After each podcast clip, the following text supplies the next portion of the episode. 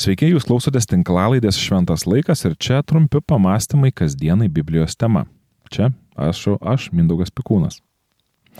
Apaštų darbų knygoje rašoma, kad Atenuose belaudamas savo bendražygių ir matydamas pilną stabų miestą, Paulius netvėrė apmaudų. Jis aiškinosi sinagogoje su žydais ir dievo baimingaisiais ir kasdien kalbėdavo susirinkusiems aikštėje. Kai kurie epikūrininkų ir stoikų filosofai bandė su juo ginčytis, Vieni klausė, ką šis plepys nori pasakyti. Kiti, atrodo, kad jis svetimų demonų skelbėjas, mat jis skelbė Jėzų ir prisikelimą. Pagaliau jie paėmė jį, nusivedė į Areopagą ir tarė, ar mes galėtume sužinoti daugiau, kokį naują mokslą tu skelbi. Regis, tu kalbi mūsų ausims negirdėtus dalykus, taigi norėtume sužinoti, kas tai būtų. Mat visi ateniečiai ir ten gyvenantys ateiviai te moka leisti laiką nauji, pasakodami naujienas arba jų klausydami. Apaštlų darbai 17 skyrius 16-20 eilutės. Taigi Paštas yra Atenuose, mieste, kuris jau buvo matęs labai daug ko ir daug kas kilo būtent iš Atenų. Bet kai juose apsilankė Paštas Paulius, kalbdamas žinia apie prisikelimą, Atenų filosofai nustebę prisipažino, jog girdi ausims negirdėtus dalykus. Apie prisikelimą kalbantis Paulius jiems, šiems filosofams atrodė kaip plepys ar tauškalius. Jie čia naudoja graikų kalbos žodį, kuris buvo naudojamas apibūdinti sėklas renkanti uh, paukštį. Toks jausmas, kad Pauliaus pašnekovai girdėjo paštlo žodžius, tačiau jie jiems atrodė lyg kažkoks paukščio skrebenimas snapu, be jokios konkrečios loginės prasmės. Paulius stovi prieš Atenų epikūrininkų ir stoikų filosofus ir atrodo kaip iš kito pasaulio skelbiantis apie naujų dievybių ateimą. Epikūrininkai šiandien galėtų būti tie, kuriems patinka stilius ir geras maistas. Žinoma, čia reikia kalbėti kiek atsargiai, nes bet koks pasaulyje žiūros supaprastinimas nėra iki galo sąžiningas, nes labai lengvai kai kam jis gali nuskambėti kaip paviršutiniškas ar gal netgi žeminantis. Pats epikūrininkų filosofijos įkūrėjas Epikūras buvo daugiau nei tik malonumų ieškotojas, jis buvo egzistencialistas, tai yra prasmės ieškantis ne per samprotavimus, bet per patyrimą. Epikūrininkai buvo materialistai ir ateistai, kurių pagrindinis gyvenimo tikslas buvo malonumas. Vieniems šis malonumas reiškia tenkinimą fizinių poreikių, o kitiems tai rafinuota ramybė, kurioje nėra nerimo ir skausmo. Kaip matome, šioje filosofinėje tiesėje e, buvo tam tikros įvairovės, nors tikrieji epikūrininkai vengė kraštutinumo ir stengiasi mėgautis subalansuotų gyvenimu. Ir žinoma, malonumo siekis vis tik tais išliko tikslas numeris vienas. Stoikai buvo panteistai ir akcentavo asmeninę discipliną ir susivaldymą. Jiems malonumas nebuvo savaiminis gėris, o skausmas blogis. Jiems svarbiausia buvo sekti savo protu ir būti tvirtu, atspariu aplinkos poveikiui bei viduje kylantiems jausmams.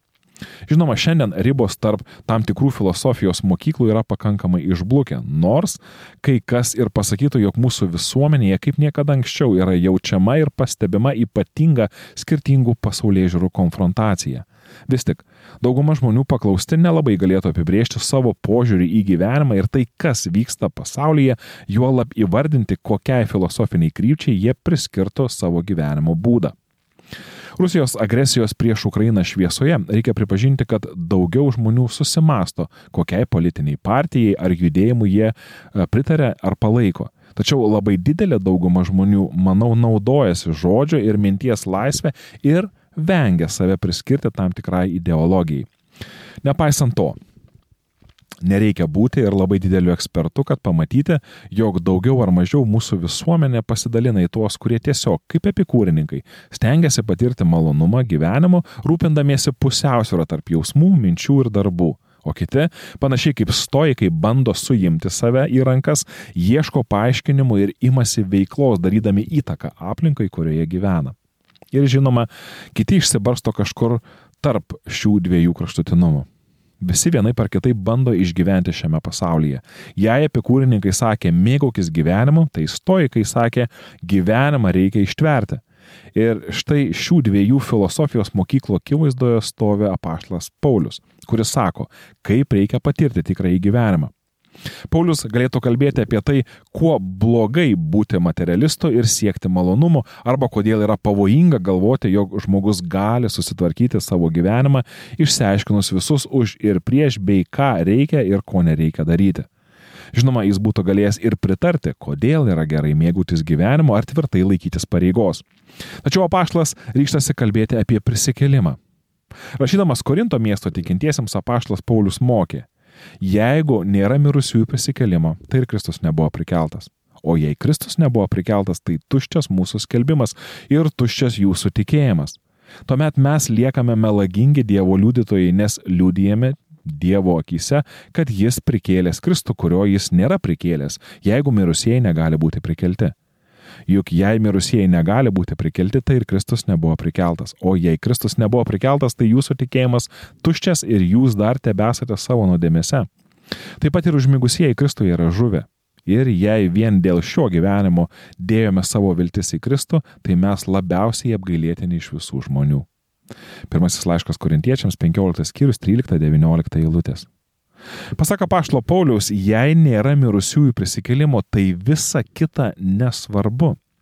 Nesvarbu, ar jums labiau prie širdies epikūrininkų gyvenimo būdas su visomis malonumo ir ramybės paieškomis, ar stoikų filosofija, kuri ragina tave ieškoti kočerių, psichologų ar mokymų, kad dar labiau prisitaikyti prie gyvenimo, būti nepriklausomu nuo aplinkos ir tapti tikrų lyderių. Koks skirtumas?